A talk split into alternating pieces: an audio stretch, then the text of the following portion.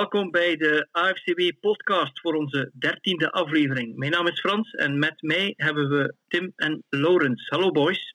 Hallo. Dag Frans, dag Laurens. Hallo iedereen. Het is niet uh, toevallig dat Tim er vandaag bij is, want dit is onze fantasy podcast en Tim is onze resident fantasy guru. Uh, we zijn een, uh, een, tijdje weg geweest, maar vanaf week 1 van het seizoen krijg je een wekelijkse podcast dus misschien eerst nog wat NFL-nieuws nieuws, sorry, voor we beginnen aan uh, onze fantasy podcast gedeelte. Uh, je hebt het gehoord, corona, de NFL-teams die doen het blijkbaar goed tijdens het preseason wat corona betreft. Uh, er zijn op dit ogenblik 64 spelers die positief getest hebben sinds het begin van de trainingcamps. En dat is eigenlijk wel goed nieuws als je weet hoeveel spelers in de NFL nu in die camps zitten. Ik denk het negentigtal maal 32.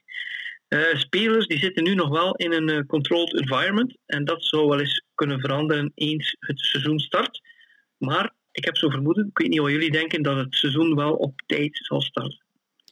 Ja, alles, lijkt er, uh, alles wijst er momenteel op. Hè. er, er zijn weinig tekenen dat, dat er vertragingen zouden zijn.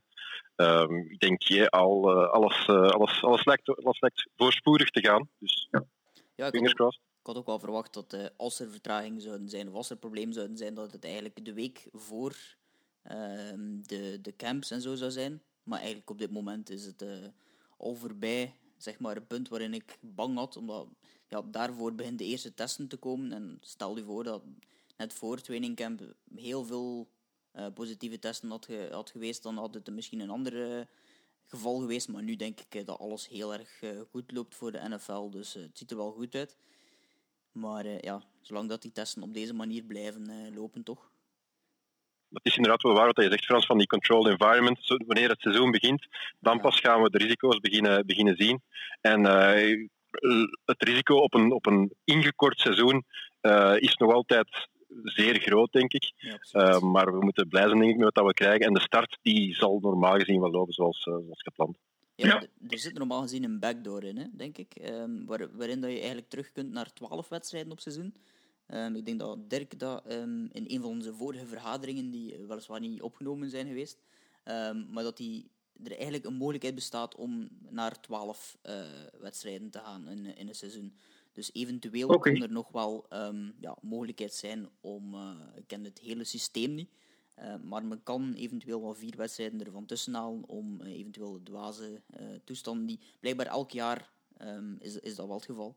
Maar stel u voor dat er nog um, ja, positieve testen of negatief positieve testen, of, of hoe noemen we het eigenlijk, vals positieve testen zeker, zoals dat blijkbaar bij het, het, het lab uit New Jersey het geval was.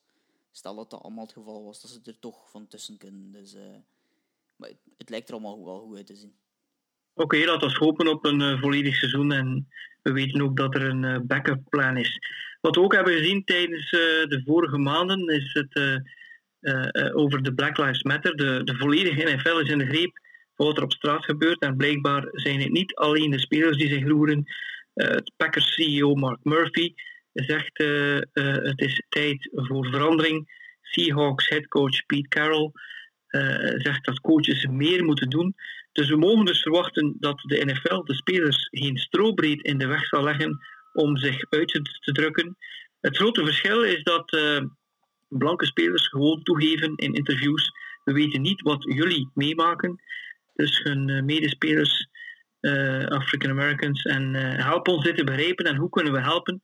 Een, een nederige aanpak tegenover de polarisatie ten tijde van de protesten van Kaepernick dus ik denk dat uh, die protesten er zullen zijn, maar dat ze eigenlijk weinig effect gaan hebben en dat die spelers onder elkaar wel tamelijk uh, ja, uh, als één front naar voren zullen komen. Ja, absoluut.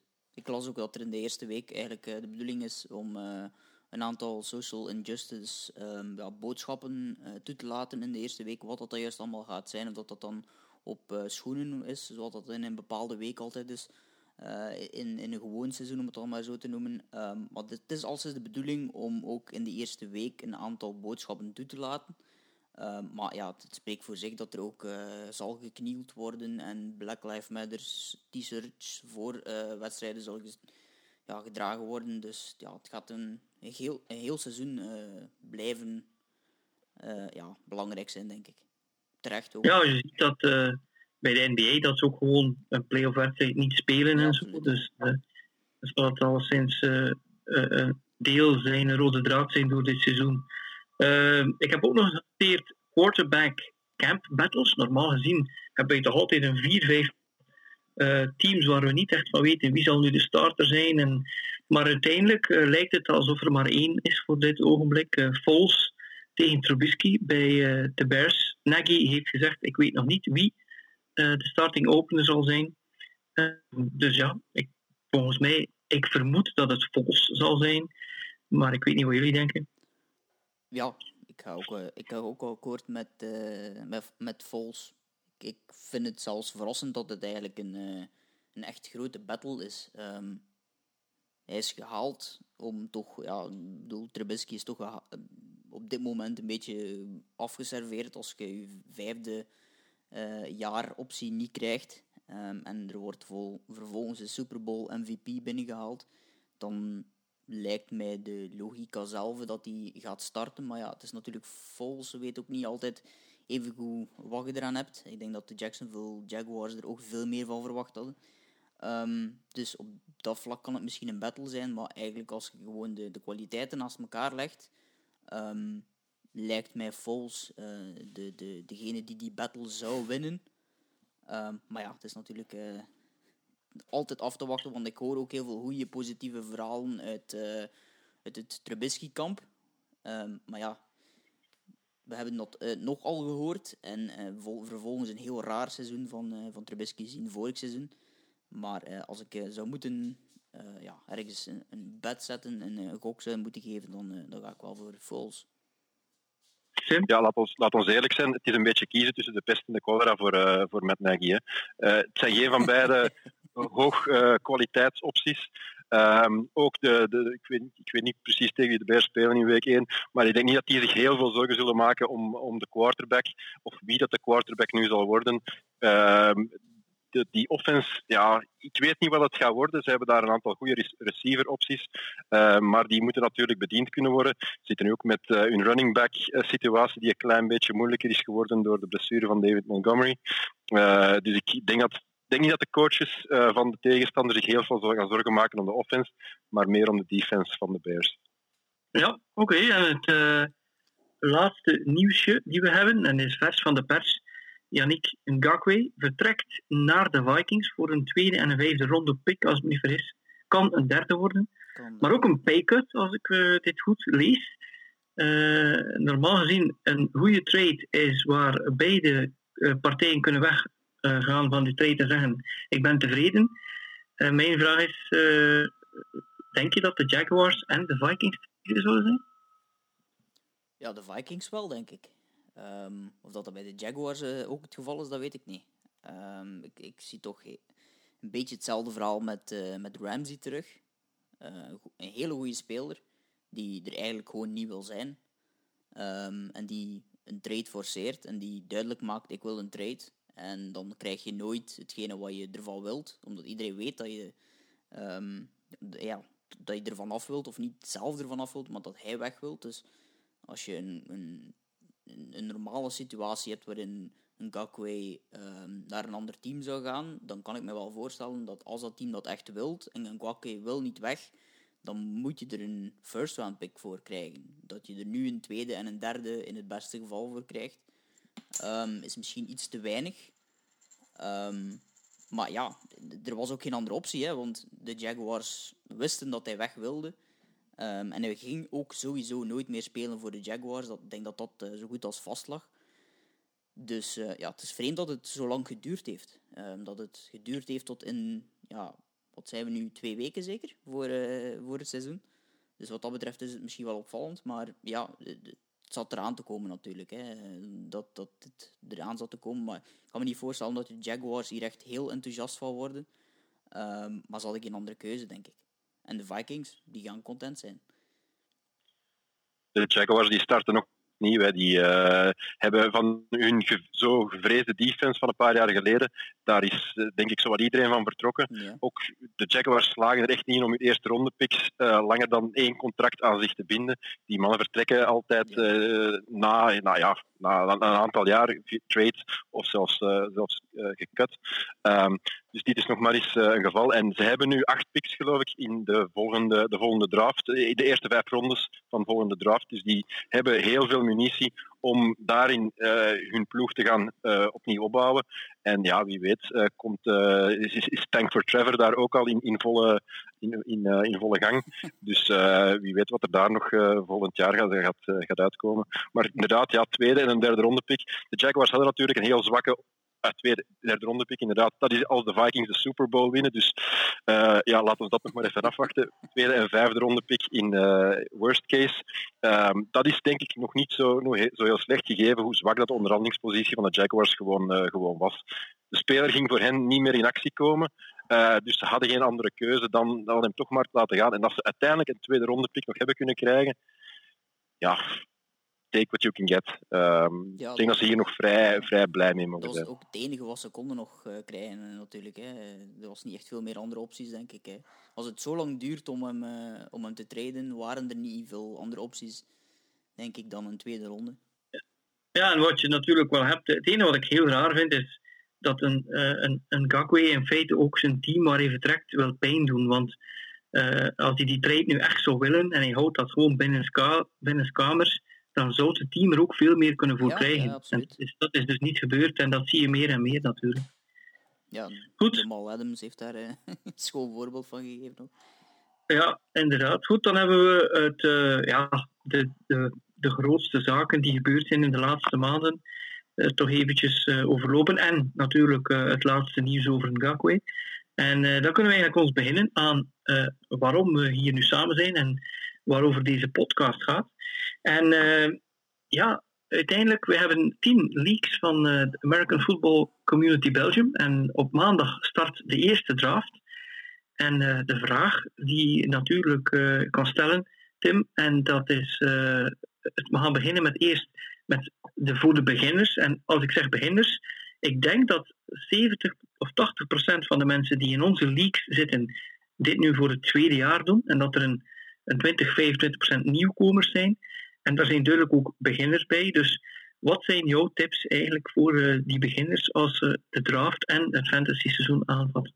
Ja, wel, fantasy is natuurlijk, een, wat mij betreft, is een hobby die um, een al heel leuke hobby, zijnde het, het American voetbal volgen, gewoon nog leuker maakt. Je krijgt er extra investering door in, in bepaalde spelers, je gaat bepaalde ploegen nauwer volgen en het maakt, het maakt gewoon iets dat interessant is nog interessanter. Dus voor fantasy Um, er zijn een aantal manieren om het aan te pakken. Fantasy, om het leuk te maken, kan je ervoor zorgen dat je de spelers die je zelf leuk vindt, dat je die probeert uh, uh, te draften. Maar als je wil winnen, en uiteindelijk denk ik, we willen toch allemaal graag winnen, dan zijn er een aantal strategieën dat je kan volgen. Uh, de, het allerbelangrijkste dat je, dat je in feite moet doen om, om in fantasy voetbal goed te scoren, dat is ken je league. Weet welke, um, hoe dat de punten gescoord worden, weet welke positie dat je moet draften en um, weet op welke positie dat er ook schaarste is. Schaarste is in feite, uh, fantasy voetbal is in feite een, een, een bepaalde, bepaalde manier een economisch, een economisch spel waarbij dat je schaarste moet gaan inschatten. Uh, de waarde van spelers wordt bepaald door um, hun vervangbaarheid. Dat wil dus zeggen um, dat je van bepaalde spelers uh, de standaard, standaard, waar we, standaard leak waar wij, AFCB, al onze uh, luisteraar, of onze fanleaks hosten, dat is NFL.com. NFL.com um, is waarschijnlijk de grootste, maar um, gaat uit van een standaard formaat. Dus met één quarterback, twee running backs, Frans, twee of drie wide receivers, ik weet het niet precies.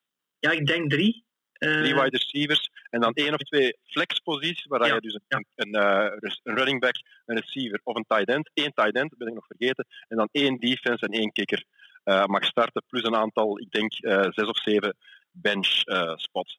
Ja. Dus daar zien we, um, je hebt drie wide receivers, dat wil dus zeggen, je, je moet drie startbare wide receivers vinden maar je hebt maar één quarterback nodig. Uh, er zijn 32 starting quarterbacks in de NFL. Je moet er daarvan 12 hebben op een gegeven moment die je, die je kan starten. Dat maakt dus dat je in feite de keuze hebt. je hoeft niet de topper te hebben om toch een goede te hebben die kan starten. wat maakt dus dat, ja, ehm, en dan ja, loop ik misschien al een beetje vooruit op een, op een uh, listener, of op, op, een vraag van een, uh, van een van onze volgers die, die we hebben. Um, quarterbacks um, scoren over het algemeen heel hoog in fantasy voetbal, dat klopt. Maar de eerste quarterback die wordt gekozen, scoort niet noodzakelijk veel hoger dan de twaalfde of de dertiende quarterback die wordt gekozen. Ja, er zijn verschillen, maar het verschil is niet zo geweldig groot dat je, dat je echt uh, de noodzaak hebt om die vroeg te gaan draften. Wat zijn wel de schaarse posities? Waar zijn er wel weinig spelers van die hoog scoren? Dat zijn bijvoorbeeld de running backs. De running backs altijd, staan altijd in de rankings, de fantasy rankings, heel hoog, omdat er daar slechts een heel beperkt, een, handvol in feite maar zijn die stevast of, uh, hoog gaan scoren en, um, en daarop ook op, op, op, een consistente basis gaan doen. Daarom gaan running backs over het algemeen heel hoog. Dat is een vrij schaarse positie. Uh, en er zijn ook niet veel running backs die zeker zijn van hun positie. Het is een heel vervangbare positie. Uh, elk jaar komen er nieuwe rookies binnen die, um, die uh, het, het, spel kunnen maken. Dus die positie is heel vervangbaar. Wat maakt dat uh, de, pa de paar vaste waarden die er zijn, dat die heel veel waard zijn, dat die dus heel vroeg gaan. Dus Tim, als ik al twee dingen goed begrijp, dat is als er plotseling vier, vijf quarterbacks van de board weggaan, dan hoef je nog niet te panikeren dan, dan kan je nog eventjes wachten. En wat running backs betreft, je moet misschien wel kijken van, ja, draft ik geen running back uit een team waar er een running back by committee is, of iemand die eh, nog niet zeker de starter is, daar moet je echt wel de certitudes proberen op te pikken. Ja, inderdaad. Er zijn, er zijn running back situaties kunnen, kunnen heel ver variëren van team tot team of zelfs van week tot week. En daar zijn, er is ook een positie met heel veel blessures, uh, relatief tegenover de andere posities. Dus daar moet je in feite heel goed um, volgen uh, wat er gebeurt. En dan kunnen we in feite naar de tweede tip gaan. Dat is volg de waivers goed op. Volg goed op welke de beschikbare posities zijn en, en gebruik die ook. Um, Kun je even uitleggen wat waivers zijn? Of voor sommige mensen dat ook nieuw zijn? Waivers uh, is in feite de manier om nieuwe spelers op te pikken doorheen het seizoen. Je start elk uh, fantasy seizoen met een draft, waar je je basis, je startploeg uh, kiest. Maar in de loop van het seizoen kan je nieuwe spelers oppikken via waivers. Dat wil zeggen, je, je, je, je, kiest, je kiest wie je wil, je kiest een speler die je daarvoor wilt laten vallen, en dan wordt bepaald of je die speler krijgt. Dat wordt bepaald op NFL.com op basis van de, de, de, de rangschikking. Hè? Moet je wel bij vermelden, die waivers, dat zijn spelers die free agents zijn. Dat is niet dat zijn spelers van andere teams. Inderdaad, dus dat zijn, dat zijn beschikbare spelers. Um, en waarom zijn die beschikbaar? Ja, in, in, in, eerste instantie omdat niemand ze goed genoeg vond om, om hen te kiezen. Maar um, dat is, uh, je, je, moet, je moet heel goed in feite de, de, het, het, spel volgen, de wedstrijden volgen, om te zien van welke spelers komen hier naar boven, krijgen plots wel een waarde en, en, en uh, komen in de plaats van spelers die misschien wel gekozen zijn. Dus je moet daar in feite heel goed uh, de, markt, uh, de markt opvolgen. Uh, en, en een belangrijke dat, dat, kan je ook in je, in je voordeel gaan gebruiken, bijvoorbeeld door bepaalde posities waar hè, die schaarste, zoals ik zei, er, er niet is, zoals bijvoorbeeld quarterback, maar ook defense en kickers. dat, is, dat is een puntje waar ik nog even op wil terugkomen. In de draft, hè, posities waar geen schaarste is, zijn over het algemeen quarterback, dat zijn, dat zijn de kickers en dat zijn de defenses. Uh, er zijn een aantal elite quarterbacks, ja, er zijn er een, een handvol, um, waar dat je, die dat je vrij hoog kan draften. Er zijn er heel veel die dat onderling heel goed vervangbaar zijn. Kikkers, ook daar heb je een aantal, en dat zijn er nog minder dan een handvol, vaste waarden die week na week vrij hoog zullen scoren, maar over het algemeen speelt daar veel meer mee de matchup, uh, en, en het, type omstandigheden waarin gespeeld wordt. Hè. Een kikker die moet gaan spelen in, in, uh, in, uh, in een heel winderig stadion of, of, waar het heel koud is, ja, die zal het lastiger hebben om die bal tussen de palen te krijgen dan, uh, dan iemand die, die in, in, een, in een dome speelt uh, of, of, in, of in, uh, in gunstige weersomstandigheden. defenses ook. de punten die een defense scoort hangen veel meer af, denk ik, van de tegenstander dan van de eigen sterkte van de defense. Ook daar zijn uitzonderingen op. Maar over het algemeen zijn dat posities die je kan streamen. Dus het kan verleidelijk zijn om te zeggen van ja, de Patriots hadden vorig jaar een ijzersterke defense. Ik ga dit jaar heel vroeg proberen te draften die defense is heel veel verandert ook tijdens het jaar. Het is een teamdefense, dus het is niet één speler die je kiest. Maar ook van week tot week zal je daar zien van ja, dat, dat, dat hoeft niet elke week uh, even groot te zijn. Dus je kan makkelijk zeggen van ik kies mijn defense in de, de laatste of de voorlaatste ronde en, en, en kikker vice versa. En daar ga ik elke week gewoon gaan kijken wat zijn de matchups, welke, welke spelers komen goed. En, en meestal ja, je gaat die top 5 altijd wel in de top 10, top 15 zien. Maar het kan zeker ook opbrengen om gewoon te kijken van wat zijn de andere 10 die in de top 10, top 15 staan. Kies er daar een uit die beschikbaar is en probeer die gewoon elke week op te stellen. Ga daar niet te vroeg gaan draften, want je verliest dan misschien waarde op andere posities. Ja, en wat ik er ook nog bij wil vermelden, dus wat mensen gaan zien als ze draften voor het eerst of als ze nog maar eventjes bezig zijn, is dat er natuurlijk wel plotseling een defense en een kikker zal verdwijnen maar dan zit het er dik in dat dat iemand is die niet live aan het draften is. Want uiteindelijk, het systeem vult ook alle posities op. dus uh, je hebt acht starters, dat is een defense en een kikker. En als iemand niet live draft, dan gaat daar plotseling de zevende, achtste ronde, kan er dan wel een kikker verdwijnen of een, uh, of een defense. En natuurlijk, als wij zeggen, als er 16 rondes zijn en wij, dat wil zeggen, de ervaren uh, drafters of uh, fantasy-spelers beginnen maar in ronde 15 en 16 onze defense, onze kikker te nemen. Als je echt verliefd bent op iemand, wel ja, je mag natuurlijk wel in ronde 13, 14 dit doen, maar je zult later wel beseffen dat er heel veel mensen in ronde 12 tot 14 uh, eh, wide receivers oppikken, waar ze eigenlijk wel, die misschien longshot zijn, maar daar ze veel meer zullen aan hebben dan eerst willen die kikker of die defense nemen, correct? Ja, zeker. Je kan trouwens ook perfect geen kicker en defense draften. Je kiest gewoon zoveel mogelijk van de, de upside players en je wacht tot het allerlaatste moment om je kicker en defense op te pikken. Je, je zorgt dat je die, de eerste wedstrijd in je line-up hebt staan en dan, dan ben je ook nog perfect in orde. Dus je kan echt tot het laatste moment wachten om die spelers op, om die, die defense en die kickers op te pikken. Ik weet niet als je bij NFL.com, als je dat mag. Dat, dat, dat mag. Ik heb het, al, ik heb het vorig ah, jaar een paar keer. Uh, inderdaad, maar het, probleem is inderdaad met die autodraft. Dus als er mensen niet aanwezig zijn, dan gaat die eerst de starting line-up vullen. En ja, dan krijg je soms... Ja, dat is meestal een heel onfortuinlijke keuze, omdat er op die rond ronde 8, ja, daar zijn echt nog goede spelers op te pikken. En als je dan, dan een defense in je line-up krijgt, ja, dat, ja. dat, dat, dat is een weggesmeten pik. Um, uh, aan het afronden van de waivers. Waivers. Uh, ik denk dat we daar het meeste wel, wel ongeveer gecoverd hebben. Hè. Je kan dus, je, kan dus je, spelers zo gaan, zo gaan oppikken. Um, gebruik die mogelijkheid zeker. En een heel belangrijke uh, uh, daarop um, is le lees wat, wat de NFL-coaches je zeggen. in het begin, want nu zitten we in een situatie heel veel onzekerheid. We hebben zelfs geen pre-season, we weten niet wat de, de, de, coaches van plan zijn. Maar die eerste weken zal, zullen ze hun plannen bekendmaken en kan je dus heel veel leren van de, de twijfelgevallen. Waar, uh, waar moet je opletten? Wat zijn de spelers die er waarschijnlijk een kans krijgen van een coach? En dan moet je echt in de waivers heel oplettend zijn.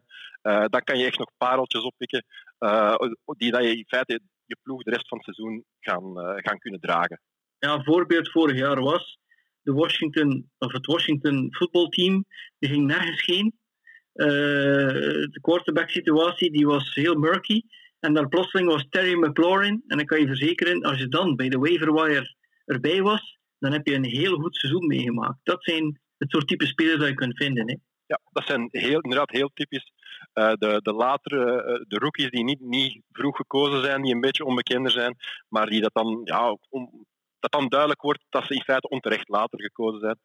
Um, en ja, er zijn nog een aantal redenen wel waarom, dat, uh, waarom dat die spelers uh, zich, zich wel gaan manifesteren zonder dat dat voor het seizoen echt, uh, echt duidelijk was. Ja. Um, nog een tip die ik iedereen kan meegeven. Uh, iedereen speelt, zoals ik zei, in de eerste plaats voor het plezier, in de tweede plaats hopelijk ook om te winnen. Um, maar iedereen is, of heel veel mensen zijn ook echt fan van een team. En in feite, een van de zaken die je normaal gezien niet moet doen, dat is proberen om zoveel mogelijk spelers van je eigen ploeg um, te gaan verzamelen. Daar zijn uitzonderingen op, kom ik, kom ik dadelijk op terug. Maar uh, als je fan, fan bent van de Jaguars, en zo hebben we wel een paar, let er toch maar mee op met niet te veel, uh, om niet te veel uh, Jaguars te gaan draften, want de kans dat dat een, een fantasy um, topjaar gaat worden, is dan, is dan zeer klein. Dus je moet... Um, het, is, het is leuk om, zoals ik zei, om spelers te hebben die, dat je, die dat je zelf volgt, maar je kan je daardoor verblind worden. En dat, dat uh, ja, draait niet noodzakelijk uh, goed uit. En het geeft ook wel een extra dimensie, want je kunt het NFL-seizoen volgen, je kunt fan zijn van je team, en daarnaast heb je een drie, viertal spelers waar je ook echt ja, aan die je aan het volgen bent en waar je voor supportert, omdat ze jouw fantasy team helpen. Dus dat is alleen maar een extra. Uh, ja, het, is inderdaad zeker voor beginnende spelers een manier ook om, om spelers te leren kennen die ze eerst niet kenden. Dus je, je, het mooie van fantasy is ook dat je er heel veel mee leert over de hele NFL, over alle ploegen. En, en je zal ook wel, zeker de mensen die er net mee starten, of die aan hun tweede jaar bezig zijn, die zullen dit jaar heel veel dingen anders doen dan ze hun eerste jaar deden. Uh, die zullen heel veel meer spelers kennen, zeker uh, naarmate het seizoen vordert en dat er op bepaalde posities roulaties gaan komen, dat, dat men naar een tweede of een derde running back moet gaan.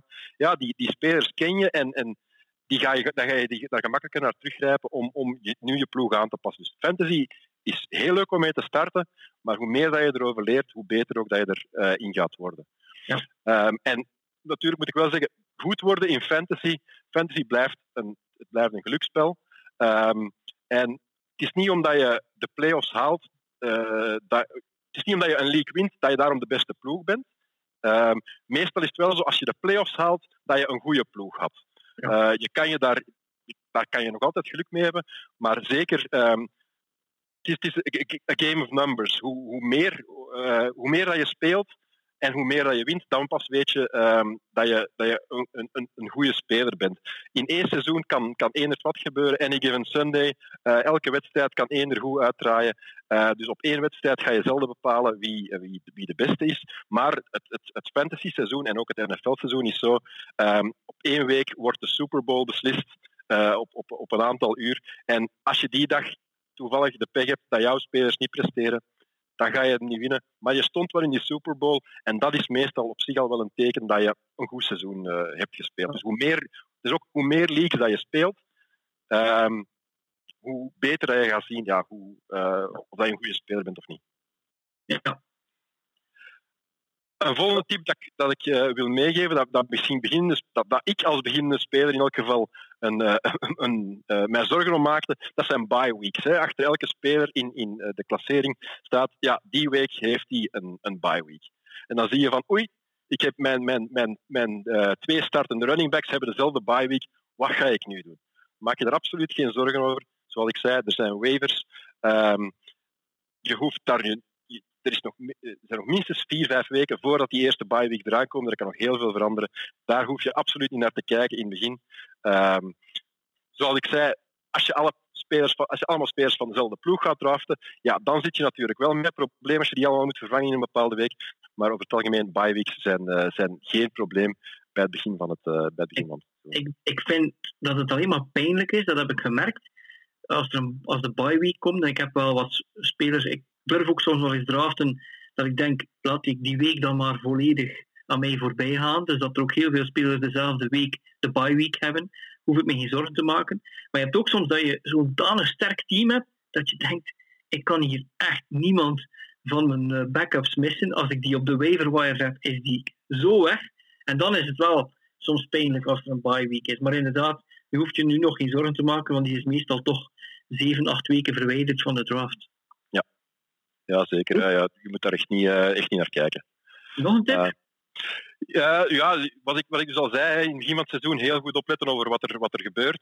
De, speel, de, de coaches gaan je dan zeggen wat dat ze denken. Um, ze gaan uh, de, de, de, de, de running back battles, de quarterback battles, die gaan, die gaan zich dan die gaan dan tonen wie er voor hen, uh, wie, wie voor de coach gewonnen is. Dus de, de, eerste, eerste weken moet je echt goed die waiver wire bespelen. En dan een heel belangrijke tip die in feite het spelplezier van, van iedereen moet verzekeren, dat is speel alsjeblieft een heel seizoen. Het kan, het kan zijn dat je, dat je ziet van na de eerste vier, vijf weken, ik heb hier nog geen enkele wedstrijd gewonnen, uh, ik geef het op, ik zet mijn ploeg, ik, ik, ik, pas mijn ploeg niet meer aan en ik, ik kom volgend jaar wel opnieuw kijken. Um, ja, dat is enigszins begrijpelijk hè, als je speelt om te winnen. Maar het maakt ook dat het niet leuk is voor de andere ploegen in je league.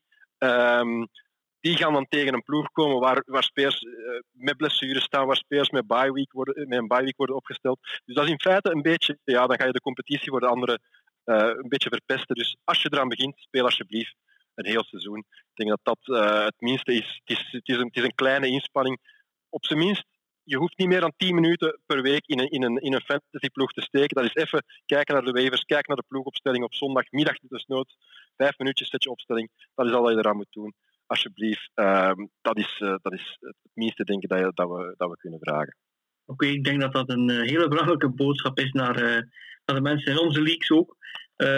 vooral omdat je ook op een bepaald moment moet ook ervoor zorgen dat er geen chip dumping is, zoals men zegt in poker. Dat men niet plotseling ook trades doet waarvan men zegt, het kan toch niet dat er iemand uh, zijn spelers bijna weggeeft. Maar daar bestaat er een controlemechanisme voor dat uh, de manager van de league wel kan zeggen, deze trade aanvaarden we niet, dus daarvoor oppassen. We hebben nu al tips gekregen van je voor de beginners of de spelers die nu hun tweede jaar ingaan. Zijn er ook tips voor gevorderden, voor mensen die zeggen, ik speel al een tijdje, maar toch wil ik nog wat bijleren, nog wat beter worden?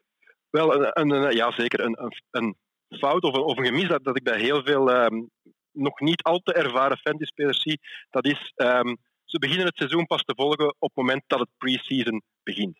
Dus dat wil zeggen, um, uh, ze weten weinig van de nieuwe spelers. Ze weten, ze weten niet wie de rookies zijn. Ze kennen ze misschien wel van naam, maar ze weten in feite niet waarvoor ze staan. En dat maakt dat, dat de rookies met name een grote kans bieden op, op uh, vroeg succes dan hebben we het vooral over de running backs. De vroeg gekozen running backs. Um, die, die kunnen echt wel een kans bieden op, op, op winst. Uh, als je die kent, dan kan je, dan kan je bijvoorbeeld in, in, in ronde 3 een, een, een, top, een top 5 running back gaan opleveren. En dat is een, on, een, een ongelooflijk groot voordeel. Nu, dit jaar is dat op dat vlak wel een, een, een beetje een moeilijke situatie omdat we met, met de, de COVID-situatie zitten. Wat maakt, er is geen pre-season, dus de rookies hebben zich minder goed kunnen inwerken uh, in, in, in hun team. Ze, kennen nog niet noodzakelijk alle automatismen. Uh, en, en dit seizoen, denk ik, voor de running backs, zoals ik zei, die hebben over het algemeen iets minder tijd nodig om zich in te werken. Maar um, bijvoorbeeld de, de wide receivers en zeker de, de rookie tight ends, dit jaar is er, zijn er niet echt heel veel rookie tight ends die, die, die zullen gekozen worden, denk ik. Um, maar uh, let daar toch een beetje voor op. Die gaan waarschijnlijk wel zeker in het begin van het seizoen een aantal uh, een tijdje nodig hebben om zich in te werken. Um, wat maakt dat je ze wel, zeker wel kan kiezen, maar dat je er misschien een beetje geduld voor, uh, voor gaat moeten uitoefenen voordat die zich helemaal uh, gaan kunnen doorzetten. Dus uh, rookies, dat is dan zeker voor, voor latere jaren. Ehm, volg die zeker zeer goed, volg de draft goed. En, en um, ja, wees, wees gewoon begin vroeger met fantasy dan, dan augustus. Begin het, eh, begin het al in, in juni, juli op te volgen, wanneer de trainingcamps beginnen bijvoorbeeld. Of nog beter, start al met de draft en het hele pre-draft proces. En dan ga je zeker een voordeel hebben in fantasy. Ik hoor ook, ik hoor ook dat uh, de, de, meer ervaren spelers, dat die al in juni dat die al mock drafts doen. En dan krijgen ze het ook al een beetje in de vingers. Dan zien ze ook al waar bepaalde spelers belanden. Dus dat, dat helpt ook waarschijnlijk mock draft is inderdaad ook een hele goede manier gewoon om, om een beetje het, de rankings van het jaar in de vingers te krijgen. Welke spelers zijn wanneer beschikbaar? Wie kan ik waar verwachten? En dan, dan ben je beter voorbereid op een echte draft. Ik weet niet of er op, NFL, op NFL.com zijn er volgens mij mock drafts uh, ter beschikking. Uh, er zijn nog legio andere sites waar je, waar je kan uh, mock draften.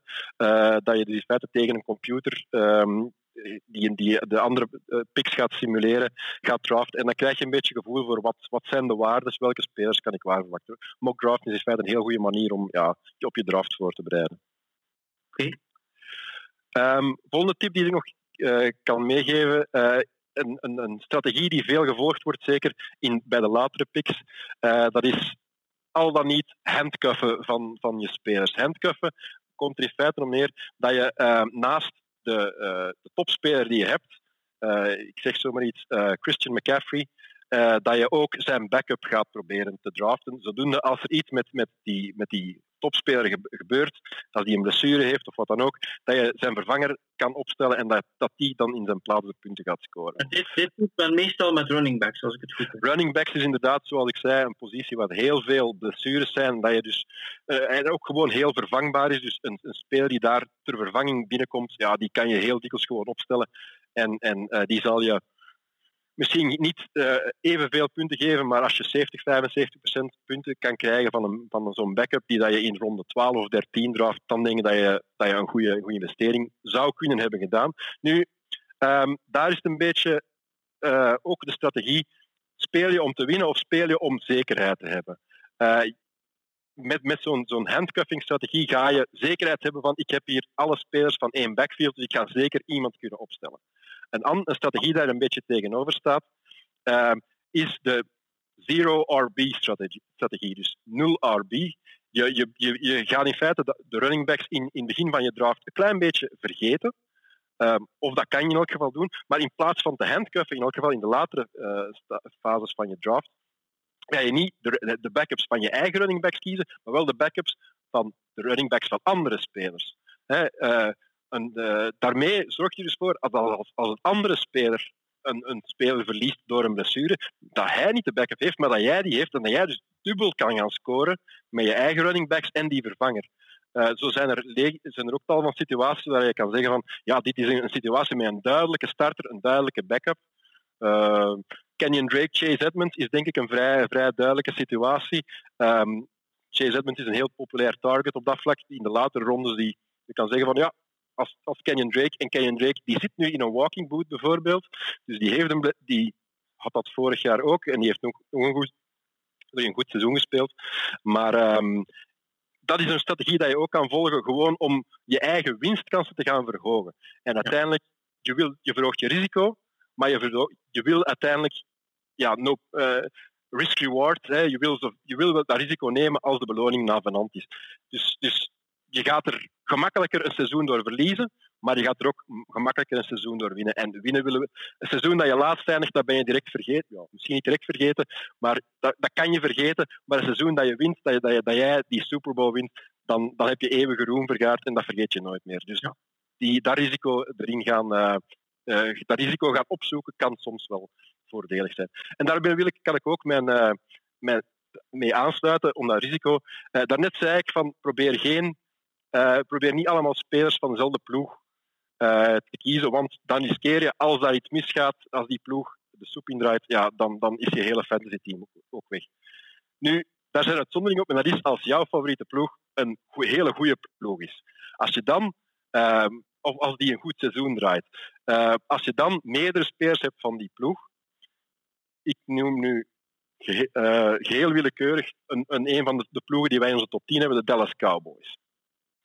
Dak Prescott, uh, je hebt daar Amari Cooper, je hebt Ezekiel Elliott, Michael Gallup, uh, je hebt, je hebt uh, C.D. Lamb en, en Blake Jarwin.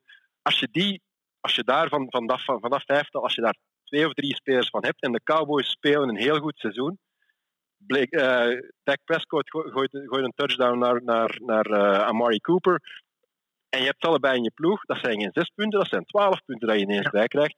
En door zo bij de goede ploegen te gaan stakken, stakken is de, is de term die men daarvoor gebruikt, kan je ineens, je zoekt het risico op, maar als, je, als dat risico, uh, ja, als je echt die, ploeg, uh, die ploeg goed draait, ja, dan, dan score je ineens heel veel punten en ga je ook heel veel winnen. Dus dat is risico opzoeken, maar het kan, wel, kan je wel een, een hele grote, uh, ja, je winstkansen wel gaan, gaan vergroten.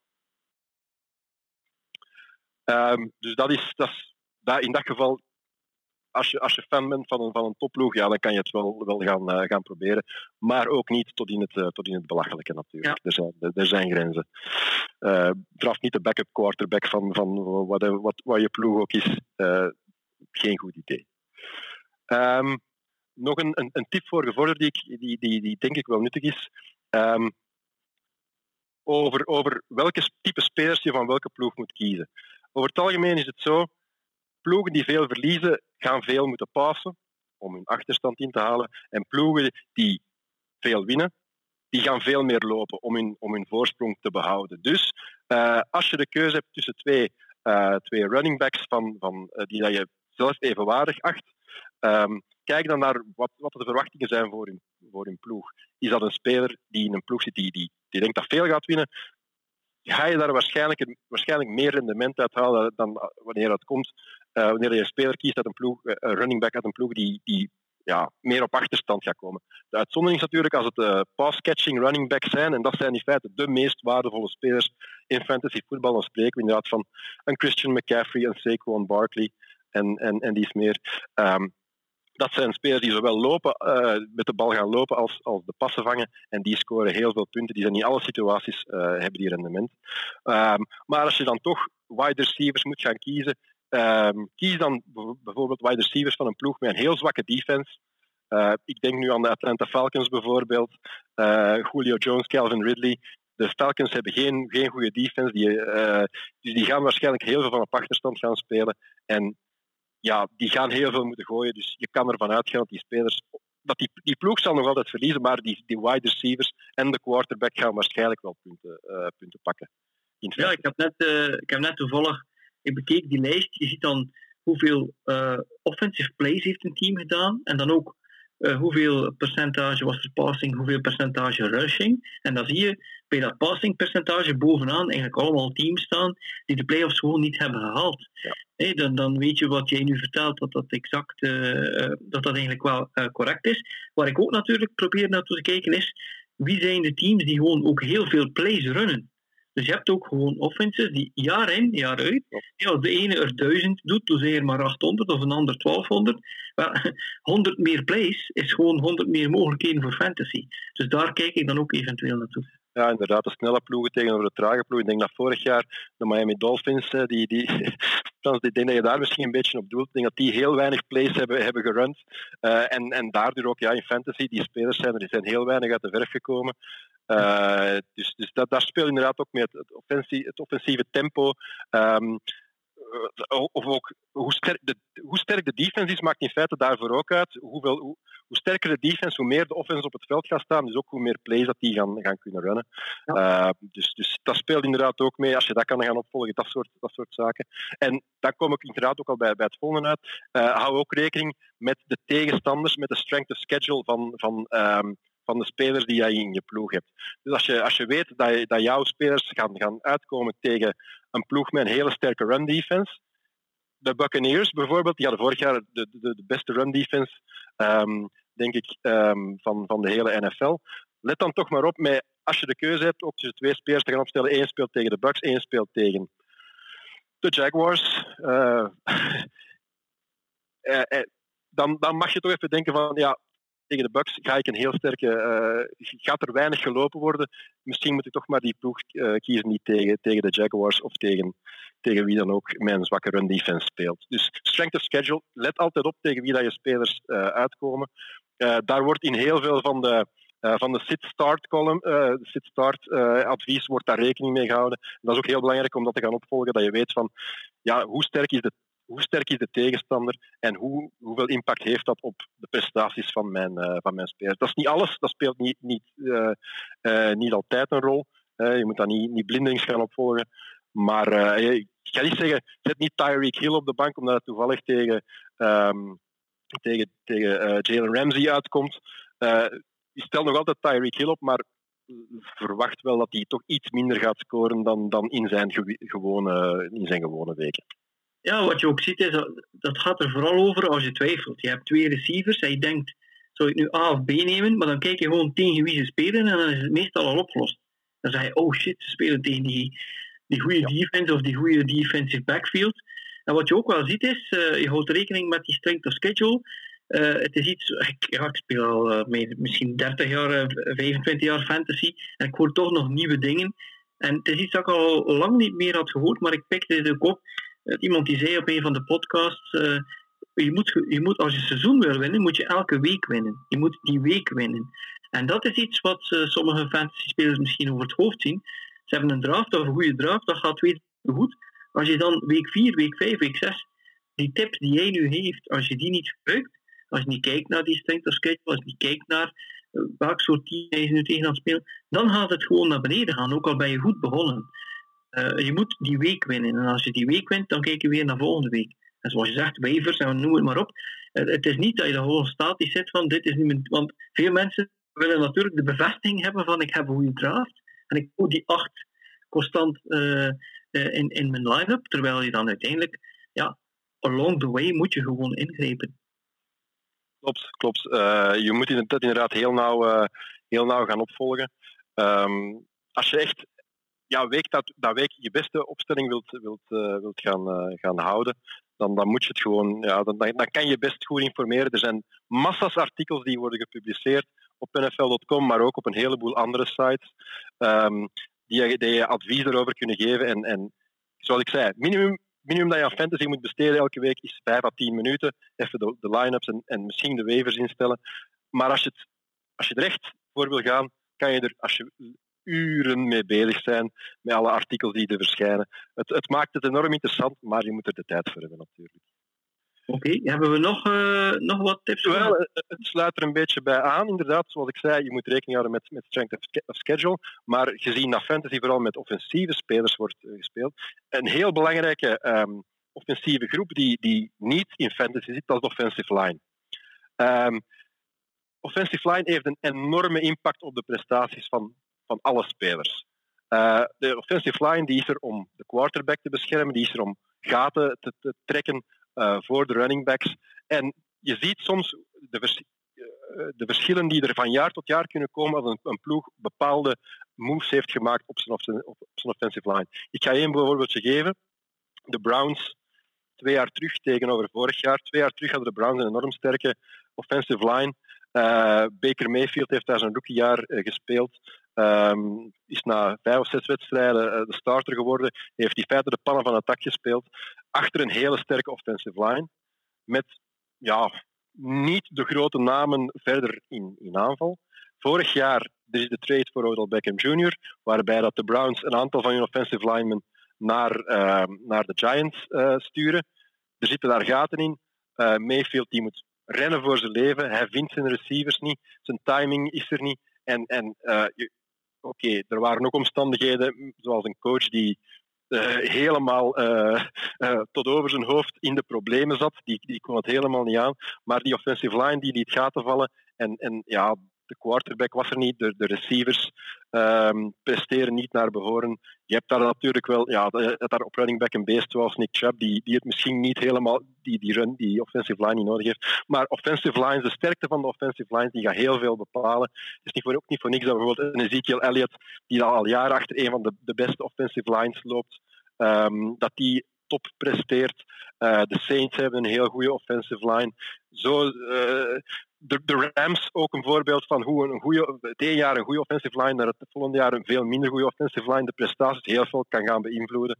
Uh, let, dat daar zeker op, want die impact op fantasy is, is enorm groot. En dat is iets dat je als, als gewone, gewone voetballiefhebber misschien helemaal niet opvolgt, omdat die spelers minder zichtbaar zijn, maar ze hebben heel veel impact. Maar dit is dan ook wat je in het eerste gedeelte ook aanhaalde, dat je zegt, als je fantasy begint te spelen, dan ga je ook NFL, het NFL-spel beter binnen begrijpen. Maar je gaat eigenlijk op dingen beginnen letten waar je normaal niet mee bezig bent. Bijvoorbeeld de offensive line.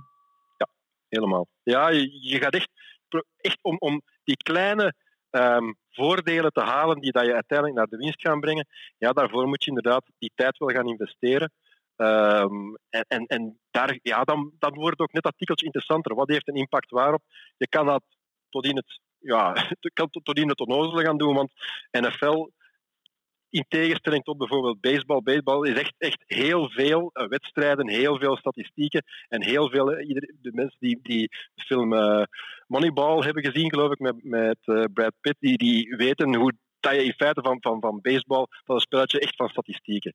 Um, in, in, in voetbal kan je er als je wil, dat kan je er ook van maken, maar er zit veel meer onzekerheid op. Eh, en dat maakt dat het, ja, ja any given Sunday, we hebben, het, uh, we hebben het al gezegd, het maakt dat eenderd welke week eenderd wat kan gebeuren. Maar um, ja, toch, er zijn wel degelijk, door die kleine voordelen te gaan opzoeken, kan je wel degelijk een winst maken, ook in fantasy. Oké, okay, dit waren de, de tips. Ik heb, ik heb nog, heb je nog, eentje? Tip, nog eentje, ja. Uh, nog een bonus tip misschien. Um, dat is ook, uh, ik, ik heb al eerder verwezen naar de rookies, om die te leren kennen. Um, spelers die ook vaak vergeten zijn spelers met langdurige blessures of, of uit, uit uh, dergelijke omstandigheden. Um, er zijn bepaalde spelers die een jaar moeten missen en daardoor helemaal van de fantasy radar verdwijnen. Maar die, dat, uh, dat, kan goed, dat kan even goed zijn dat die het jaar erop wel terugkeren naar hun oude vorm en, en dus een value play kunnen, uh, kunnen worden. Ik, ik, denk dat we, ik ga, straks gaan we nog even een lijstje proberen op te stellen met, met een aantal sleepers en misschien komen er dan een aantal aan bod. Maar let zeker ook op de spelers die ja, door blessureomstandigheden uh, ofwel van zichzelf ofwel van spelers waar ze van afhangen, bijvoorbeeld een quarterback um, die, die geblesseerd geraakt, daar zal een impact hebben op, zijn, op, op al zijn medespelers. Uh, dat is een situatie dat je kan opvolgen om toch maar een speler te zien van, ah, die valt een beetje, Maar ik weet dat die goed is. En als die naar zijn oude vorm terugkeert, dan kan ik daar echt mee gaan scoren. Oké, dat uh, waren toch wel een belangrijk aantal tips die zowel de nieuwelingen als de meer ervaren spelers kunnen gebruiken. Ehm, die leaks die wij hebben bij AFCB zijn redraft leaks. Ja, ik denk dat dat zo heet. Dus je, hebt, je doet mee en op het einde van het jaar uh, gaan alle spelers er weer uit. En dan, uh, als je een slecht team had, dan kan je weer van, van nul starten en heb je weer hoop, zoals in de NFL, dat ook de dingen kunnen veranderen. Maar er zijn nog andere types van fantasy leagues. kun je daar iets over vertellen? Ja, redraft, dat is waar iedereen mee start. Ik ben zelf ook gestart, geen 25 jaar geleden zoals jij Frans. Ik ben, ik ben een jaar of zeven geleden gestart met, met fantasy inderdaad, een, een, eerste league op nfl.com. redraft inderdaad. Je draft elk jaar een nieuwe ploeg. Ehm, je hoeft daar niet te veel op te letten de rest van uh, buiten het NFL-seizoen. Maar uh, je, je bent er vier, vijf maanden mee bezig en dan is het afgelopen en volgend jaar start je weer opnieuw. En, en uh, een vorm van, van fantasy die maakt dat je er wel langer mee kan bezig zijn, dat je in feite heel het jaar ermee kan bezig zijn. Dat zijn, dat zijn Dynasty Leagues en, en in mindere mate de Keeper Leagues. Wat zijn, wat zijn dat voor leagues? Dat zijn leagues waarbij dat je al, uh, al je spelers, of op zijn minst een deel van je spelers, bijhoudt van jaar tot jaar. Ik heb geen ervaring met Keeper Leagues, wel met, met Dynasty Leagues, dus ik zal daar een beetje dieper op ingaan. Het komt erop neer, een Dynasty League. Um, je start daar met een, een, een start-up draft, waar je hier in feite overeenkomt met een, een, uh, een draft zoals we, die, zoals we die nu gaan doen de komende weken.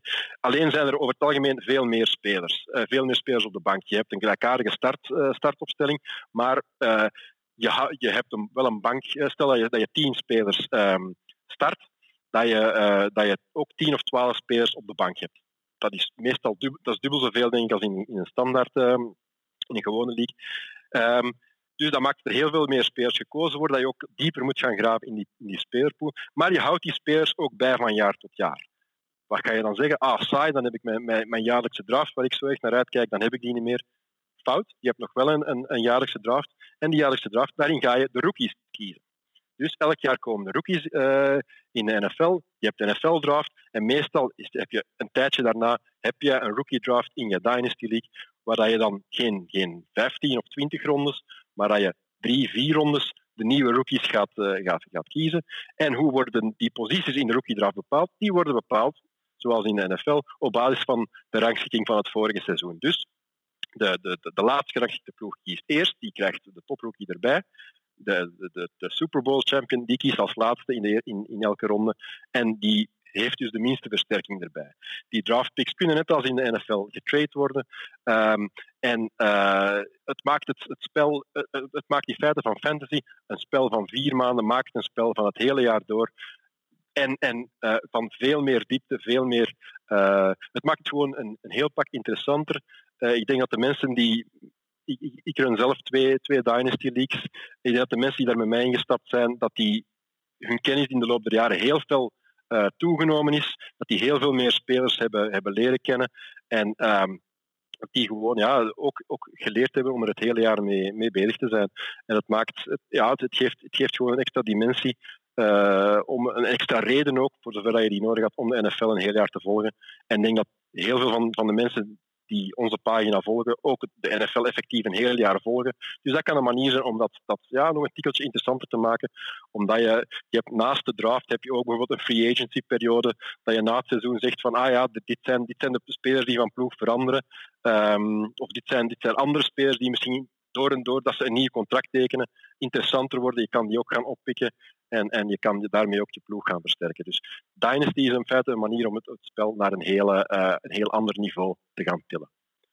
Oké. Okay. Uh, ja, een, een verdere, als je het nog een niveautje verder wil gaan, uh, gaan tillen, dan kan je ook gaan naar leagues die in feite quasi volledig zoals de NFL worden gerund. Zijn, dat, zijn, dat zijn leagues um, met, um, contract, met, met contracten waar je dus de spelers niet... Uh, in Dynasty hou je al je spelers van jaar tot jaar. In van dat soort leagues uh, hou, ga, ga, je je spelers contracten geven voor een, bepaalde, voor een bepaalde duur, voor een bepaalde hoeveelheid geld. En uh, zolang hou je die spelers bij. Je kan ze net zoals in de NFL kan je ze gaan treden, maar nadat hun contract voorbij is, kan je ze eventueel een contractverlenging gaan bieden. Maar um, Als je dat niet doet, dan ben je ze ook kwijt. En dan komen ze in een, uh, worden zij free agents. En dat, dan is er ook een free agency auction, een, een veiling dus in feite. We hebben alle free agents die er, die er zijn, aan alle andere spelers beschikbaar worden gesteld. En iedereen kan dan proberen om die spelers een contract aan te bieden. Wij hebben, uh, ik heb een aantal jaar geleden met de NFL Fantasy Heroes, die ja, een beetje op, op plak van, van, van fantasy, ik niet zeggen pionier zijn geweest in België, maar toch heel veel hebben gedaan voor, voor de fantasy in, in, in Vlaanderen. Uh, Zo'n zo'n league gestart op Reality Sports Online. Uh, waar dat er dus uh, ja, dat, dat systeem wordt gehanteerd. En dat, is een, dat, dat geeft het spel nog een extra dimensie, omdat je dan buiten het langdurig houden van spelers ook nog ja, met al die omstandigheden, je moet, je moet je ook houden aan een salary cap bijvoorbeeld. Uh, je hebt die contracten dat je altijd moet managen. Wie ga ik een contractverlenging geven? De rookie-contracten zijn, zijn lager dan, dan de standaardcontracten. Dat maakt het, het ook, ja, geeft ook weer net een extra dimensie die het, uh, het spelletje enkel, enkel interessanter maken. En ik heb ergens in mijn hoofd ook het plan om misschien volgend uh, off-season terug zo'n zo'n league op te starten, omdat die in feite toch wel heel erg leuk zijn. Oké, dat is goed. Dus je ziet dat je daar uh, tamelijk simpel kan gaan, maar ook heel ver kan gaan. Je kan eigenlijk een soort general manager zijn. Zeg maar. Nu, ik weet ook dat in Amerika heb je ook de daily fantasy. Dus je kan ook gewoon eigenlijk wel heel veel geld verdienen met, met fantasy. Maar dat is dan weer van een, van een ander niveau. Ja. En daar zijn wij voorlopig nog niet mee bezig. Ik heb nog eentje dat ik, dat ik eventueel wil, ook wil toelichten. Ook omdat we die nu met, met, met AFCB gestart zijn. Dat is een best ball league. Ja. We zijn met die Eliminator gestart. Eliminator, keer los van dat concept, maar een bestball league. Dat is in feite een league waar je enkel je ploeg gaat draften. En daarna moet je er niet meer naar omkijken. Dat wil zeggen, uh, het platform waarop je naartoe gaat automatisch elke week de beste spelers gaan opstarten. Dus dat is in feite ideaal om te zeggen van, ik heb zin om een draft te doen, dat mag competitief zijn, ik wil daar op het einde wel zien hoe ik het heb gedaan, maar, het, maar niet zo vrijblijvend als een mock draft, waar je zegt ja. van, ja, gedaan en ik heb het vergeten. Dat is echt een league dat zegt van, we draften, en eh, we volgen het rest van het jaar op. Op het einde zien we wie er effectief gewonnen heeft. Dus dat zijn de best ball, de best ball leagues. Um, die Eliminator uh, is een speciale vorm daarvan, waarbij er elke week de laagscorende ploeg uh, uh, afvalt. Ik ben heel benieuwd wat dat gaat geven. Ik, ben, ik vind het heel fijn dat we daar de, genoeg mensen voor hebben gevonden. Ook omdat het, de, het, het, geld dat we ermee verzameld hebben, dat we daarna aan een goed toe gaan kunnen schenken. Dat vind ik ook heel belangrijk dat we dat kunnen doen. Um, maar die bestball leagues zijn ook een heel interessant concept dat we misschien met AFCB nog wel kunnen uitbreiden de komende jaren als er, als er interesse is. Oké, dat is goed. Dan, ik denk dat we dan de meeste gecoverd hebben. En ik zie eigenlijk wat ja, we zitten al een, een, een serieuze, ik denk een, een tight 60 gaan we waarschijnlijk niet meer halen, maar we gaan ons best doen om het af te ronden met nog enkele vragen. We hebben een vraag gekregen van Carlos Piepe. Hij stelt een tamelijk uitgebreide vraag, de voorschriften van COVID, quarantaine, spelers in quarantaine of zo. We gaan daar nu niet in, in, op ingaan, maar er staat wel in hoeverre moet je rekening houden met corona in je draft. En ik weet niet of je daarover gedacht hebt. Wel, ik denk dat je er moeilijk rekening mee kan houden in je draft, omdat je niet kan voorspellen wanneer een speler gaat besmet raken. Het enige dat je eventueel rekening mee kan houden, dat is met spelers die al besmet geweest zijn, die de ziekte al hebben gehad. En dat dus de kans voor, dat die spelers nog eens ziek gaan worden, natuurlijk, daar moeten we ook de medische wetenschap een beetje vervolgen. Er zijn nu blijkbaar wel gevallen van mensen die opnieuw besmet geraken. Maar laat ons stellen dat als je het een tweede keer zou, ah ja, als je tweede keer zou doormaken, dat toch minder erg is. Um, dus Um, spelers die het al hebben gehad, gaan waarschijnlijk minder kans hebben om het, uh, om het nog eens uh, door te maken. Anderzijds, je kan ook zeggen, door het, uh, er is al een, een vrij groot blessurerisico in de NFL. en hierdoor, door die COVID-situatie, vergroot in feite enkele de, de, kans dat, dat er spelers uit je starting line-up wedstrijden gaan missen. Wat maakt dus dat het hele spel rond al dan niet de handcuff van je, van je eigen running back gaan draften tegenover de handcuff van een andere running back. Want natuurlijk, uh, uh, een running back uit dezelfde ploeg als, als de speler die dat jij hebt en die dat dan COVID zou hebben, die zit wel in exact dezelfde vergaderingen als die speler. Dus als die speler met COVID, dus de kans dat die besmet geraakt, ja, die is misschien ook net een tikkeltje hoger. Dus misschien is die zero, die zero RB-strategie is die net een tikkeltje interessanter dit jaar, omdat je daarmee ja, je, zoekt, je, spreidt je risico enerzijds. Um, je zoekt het ook op. Maar uh, het, het, maakt dat dat in deze omstandigheden misschien toch net een tikkeltje, een tikkeltje interessanter is. Inderdaad, ja, we weten voor de rest niet ja, de omstandigheden dat, uh, die zijn door de NFL bepaald waarin een speler in quarantaine moet. Maar dat zijn misschien de zaken toch dat je mee kan rekening houden van uh, met COVID in je draft. Niet te veel, maar het maakt dat je over bepaalde zaken wel extra moet gaan nadenken. En dat is misschien nog interessant om te zeggen, Frans, dat we, want er zijn bepaalde bepalingen voor rond, uh, die dat nieuw zijn in feite voor NFL.com rond uh, de COVID-spelers. Ja, het is zo dat wij bij de NFL.com drie reservespelers hebben toegevoegd. En als er dus iemand op die COVID-lijst komt, dan kun je hem daarop zetten. En dan heb je minder kans dat je hem op waivers kwijt bent. Dus je hebt drie extra spots in, uh, in deze leagues. Maar alleen COVID-spelers mag je erop, mag je erop zetten. Dat is, dat, dat, daar moeten mensen ook wel eerlijk in zijn. Dan. Uh, ik had nog een vraag van Davy Simons, een beginnersvraag. Ik denk dat je hem al half beantwoord hebt. Hij zegt, uh, iedereen raadt aan om als eerste een running back te draften, zelfs in de tweede ronde een running back. Maar als ik de punten zie van 2019, dan zie ik veel quarterbacks in de top 10 dan toch niet gaan voor de quarterback in de eerste ronde. Ik denk dat je dat al beantwoord hebt in, uh, in, in je... Inderdaad, het komt er, zoals het is een spel van schaarste. Hè. Die quarterback, je moet er maar, maar één starten in, op NFL.com. Misschien dan ook even, kan ik daar nog even een, een zijsprongetje eh, maken naar andere fantasy-formaten. Op, op NFL.com hebben wij het standaard uh, één quarterback, twee, running backs, drie receivers, één tight end formaat met een paar flex uh, spots. Je hebt ook andere vormen waar je bijvoorbeeld twee quarterbacks gaat starten. Je hebt vormen waarbij dat je tight ends extra kan scoren. Dat zijn posities die in feite door in die standaard situatie ja, minder waarde hebben, minder, daar is minder schaarste, maar je kan, dat, je kan die wel schaarser gaan maken, bijvoorbeeld door, het, door de mogelijkheid te bieden om twee quarterbacks te starten. En het is inderdaad waar wat, uh, wat Davy zegt. Quarterbacks scoren over het algemeen hoger dan de meeste posities. Dus als je de mogelijkheid hebt om een tweede uh, quarterback te starten, de zogenaamde superflex, hè, dus dan krijg je een flexpositie waar je niet enkel wide receiver, tight end of running back mag starten, maar ook een quarterback kan je in die positie zetten. Ja, als je een quarterback, een goede quarterback hebt om daar te starten, dan is dat meestal een goed idee. Dus dat maakt dat quarterbacks veel meer waarde gaan krijgen en maakt in feite dat je, dat je meer posities van waarde gaat krijgen. Dus dat is een, een, andere vorm van fantasy, waarmee dat je uh, ja, extra schaarste gaat creëren en dus um, het, spel, het spel jou interessanter kan maken. Dus om terug te komen op de specifieke vraag, inderdaad, quarterbacks scoren hoger dan um, dan de meeste andere posities. Maar doordat de verschillen tussen quarterback 1 en quarterback 13 of quarterback 11, hè, standaard NFL.com is 10, 10 ploegen, dus dan moet je feite gaan kijken, die eerste quarterback die gedraft scoort, die zoveel meer dan, dan de tiende of de elfde quarterback die gedraft wordt. Meestal is dat verschil niet zo heel groot. Dat kan misschien ja, oké, tussen, tussen, tussen Lamar Jackson of Patrick Mahomes en nummer 10 zal het verschil wel, wel groot zijn. Maar die vijfde of die zesde quarterback en die tiende, dat scheelt er misschien één of twee punten op weekbasis. Daarmee kan je natuurlijk een, wedstrijd winnen of verliezen, maar zo heel groot is het verschil niet. En het kan, de kans is heel groot dat het verschil op andere posities die je op dat moment kan kiezen, dat je, je, vijfde, dat je de vijfde quarterback zou kiezen, um, dat het verschil met andere posities veel groter is. Dus dat, dat de running back die je daar gaat kiezen veel, hoog, veel meer gaat scoren dan, dan de running back die je op een, op een, later, die een ronde later zou kiezen, uh, ga, gaat halen. Dus kwestie van schaarste, kwestie van de puntenverschillen die er zijn. Uh, wat, wat, wat kan je gaan, uh, wat, waar, ja, waar zit de schaarste? Um, welke posities zijn het interessant? Dat zijn meestal die posities waar de hoogscorende spelers het minst voorkomen. In vergelijking ook met het aantal spelers dat je ervan kan opstellen. Dus je moet twee running backs, drie wide receivers opstellen. Dat wil zeggen dat er in elke league elke week 30 receivers worden opgesteld en 20, 20 running backs. Zijn er 20 hoogscorende running backs in de NFL? Nee, die zijn er niet. Dus dan, zeker die, dan moet je al gaan zien van ja, wie, wie zet ik hier?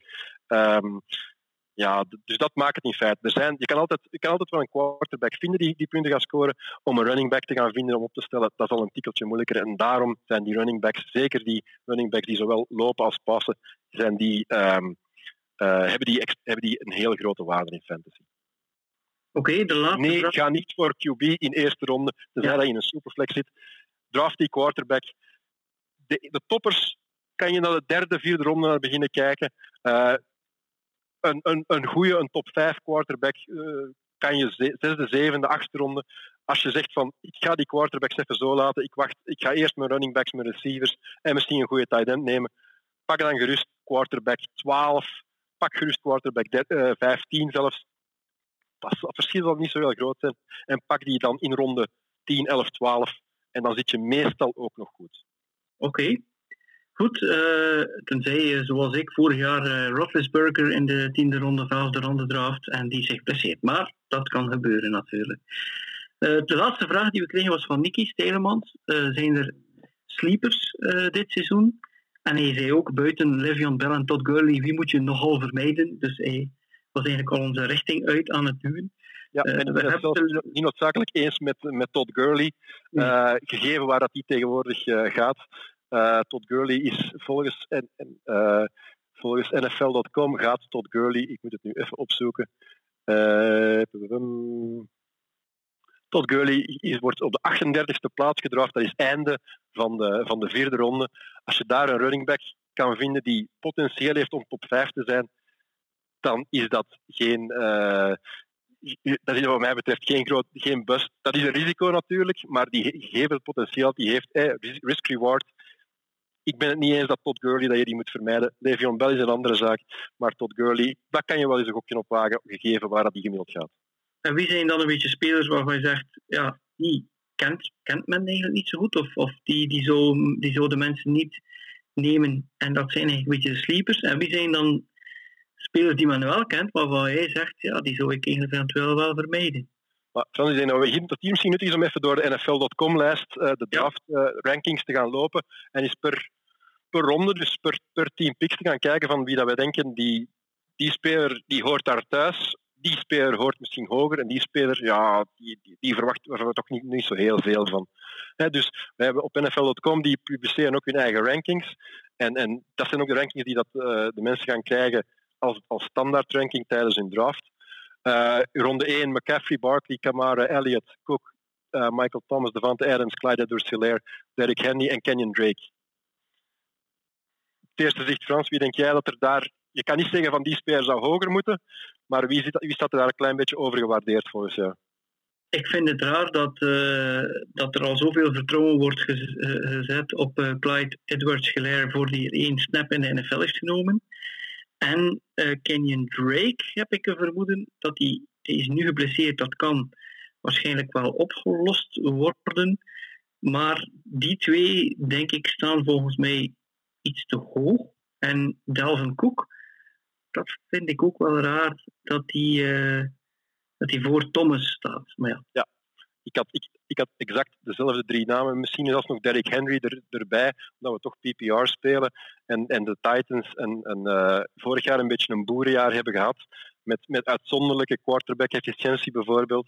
Uh, als, de, als de Titans meer op achterstand gaan spelen, stel ik me ook de vraag of Derrick Henry hetzelfde rendement gaat halen. Ze hebben natuurlijk niet echt een, een, ja, een vervanger voor hem in huis.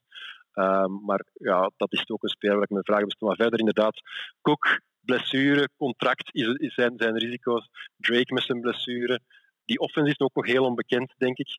Uh, wat, wat Cliff, Kingsbury... We weten wat hij, wat hij wil doen, maar wat er effectief uit gaat komen, is nog af te wachten. En dan een rookie kan ja, de Chiefs hebben een heel explosieve offense. En, en uh, Edward Hilaire is zijn voornaamste concurrent al kwijt aan een opt-out met Damian Williams. Maar ja, staat er op 8 en ik vind dat ook heel erg hoog. Ja, je zegt wil je spelen of winnen. En als je wil winnen, dan kan een hok op uh, Edward Hilaire natuurlijk uh, ja, veel opbrengen. He. Dat, dat, dat ontken ik niet. Uh. Goed, dan ongeveer hetzelfde idee over de eerste tien, dan de ja. volgende tien. Ja, dan hebben we op 11 Mixon, dan Eckler, Julio Jones, Miles Sanders, Tyreek Hill, Josh Jacobs, Nick Chubb, George Kittle, Travis Kelsey en DeAndre Hopkins op 20. Daar is mijn eerste idee. Ik heb daar een beetje problemen met Austin Eckler, die op 12, uh, op 12 staat. Die heeft vorig jaar een heel goed seizoen gespeeld. Uh, krijgt nu in feite het vertrek van Melvin Gordon, krijgt hij daar de starterpositie uh, in de schoot geworpen. Maar hij speelt in feite achter een heel shaky offensive line, zoals, daar hebben we het al over gehad.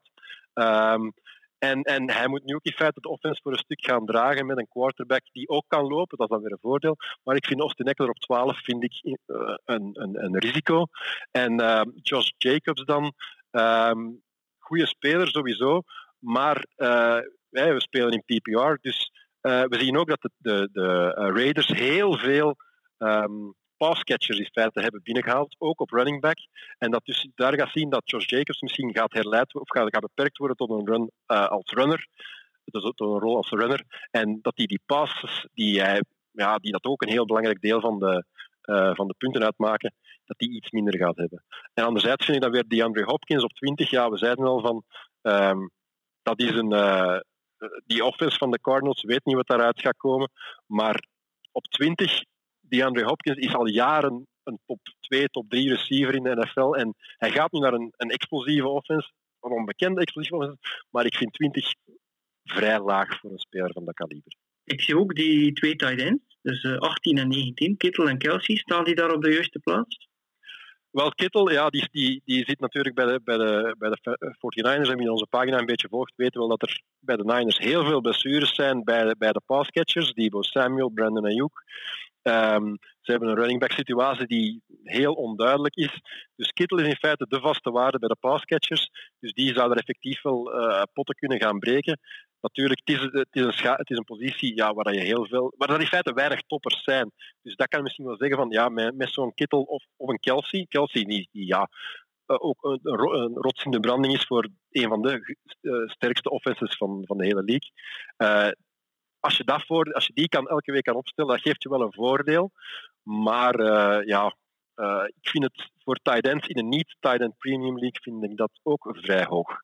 Ja, wel, natuurlijk wat je hebt is, uh, als iemand dan in de eerste ronde een running back heeft gekozen, en de tweede ronde ziet hij dan dat Josh Jacobs daar staat, of Kittle, dan moet hij bijvoorbeeld rekening houden met het feit dat die Josh Jacobs weinig passes zal vangen, en dat Kittle dan eventueel ja, gewoon een hele goede tight end kan zijn. Ja. Goed, dat we nog een, een, laatste stuk, of is dit genoeg? Doen we nog iets misschien nog even... Ja, er, er, we kunnen misschien nog even door, door de, de lijst verder gaan. Een paar, paar, nog eens een paar spelers opnoemen. En zeggen van kijk, dit, dit zijn nog interessante spelers uh, of, of risicovolle spelers die we, die we verder, uh, verder opzien. Hè. Um, we hebben al tot Gurley gehad op 38. Uh, op 37 staat Leonard Fournette. Ook ja, al jaren een, um, een vaste waarde in fantasy met blessuurrisico. Nu, de, de Jaguars, ehm, ja, ze gaan veel van op achterstand spelen. Dus je zou zeggen, ja, wat heb je eerder gezegd? Pas op met die running backs van, van losing teams. Ja, maar op 37, ze, gaan hem, ze hebben geen, geen contract meer met hem na dit jaar. Dus ze hebben geen enkele reden om op hem te spaarzaam te zijn. Ze gaan die gewoon zoveel mogelijk laten lopen, running hem into the ground. En ja. als hij geblesseerd raakt, zo so be it. Um, maar die wedstrijden die je ervan hebt, kan die wel heel veel punten gaan scoren. Um, ik vind later, uh, als je verder kijkt, op 48 heb je Cortland Sutton, uh, de, de wide receiver van de Denver Broncos. Uh, het begint nu als een derde jaar. De Broncos hebben een aantal wapens bijgehaald. Ze hebben een jonge quarterback met True Lock. En ze denken van, ja, heel veel concurrentie voor targets. Ja, maar Sutton die heeft ook al heel mooie dingen laten zien de voorbije jaren. En ik denk dat je er echt prat op kan gaan dat hij het sluitstuk wordt van, van die offense. En dat je kan gewoon uh, dat die meer gaat scoren dan wat het daar, uh, dan, wat het daar uh, dan, dan die 48ste uh, plaats. Ik denk, ik, denk, Tim, dat we eigenlijk de podcast nu moeten stoppen, want Sutton is een van mijn lievelingen. En als iemand luistert naar de podcast, dan gaat het een lastige draad worden voor mij. Nee, het is grappig.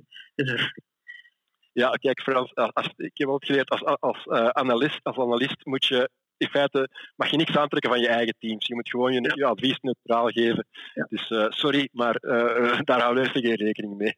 Um, gaan we nog even verder door de lijst. Op 52 heb je Keenan Allen, die volgens mij ook ondergewaardeerd is. Juist ploeg als de Chargers. Um, ja, zoals ik zei, geen goede offensive line. Dat wil zeggen dat, dat je uh, een quarterback hebt die heel snel de bal gaat willen lossen met Tyrod Taylor. Uh, en, en Keenan Allen is daar de slotspeler heel goede handen, hele goede uh, routerunner. Dus die gaat, die gaat volgens mij ook beter scoren dan, dan, dan die 52e plaats. Als ik, als, ik, als ik bijvoorbeeld zie, Mark Ingram 53, maar zijn tight end Mark Andrews 42. Ja. Wat denken zij dan dat Mark Ingram plotseling niet meer in, die, in die offense zal, zal performen? Wel, bij Mark Ingram uh, is dan het probleem dat hij, heel, dat hij een hele sterke concurrent heeft bijgekregen in backfield, met name J.K. Dobbins. En dat is misschien een van mijn, van mijn sleepers dit jaar. die, die, die running back die gedraft is in de tweede ronde, door de Rams een heel goede offense. en dus die concurrentie die er voor Mark Ingram komt. Ik denk dat Dobbins, misschien niet in het begin van het seizoen, dat hij na een aantal, na een aantal weken wel uh, een grotere rol gaat krijgen. En dus Mark Ingram ja, de punten van, van Ingram gewoon gaat, uh, gaat beperken. En daarom is waarschijnlijk Ingram inderdaad uh, staat hij een beetje lager dan, dan veel mensen zouden verwachten, ondanks zijn prestaties van, van vroeger. Oké. En dan op, op 58 zie ik er nog een heel op, een naam die een beetje mijn ogen uitsteekt. Dat is Raheem Mostert. Ja. we gaan, dat is een speler, een beetje een, een valstrik de, de, running backs van, uh, van, van de, de, Niners, die uh, Kyle die, die speelt graag met, met die, die roteert graag. Uh, Mostert heeft ja, geluk gehad dat hij op het einde van het seizoen goed heeft gepresteerd, maar uh, ik vrees dat die een beetje overgewaardeerd is daar en dat je daar toch mee moet gaan opletten om die vroeg te draften.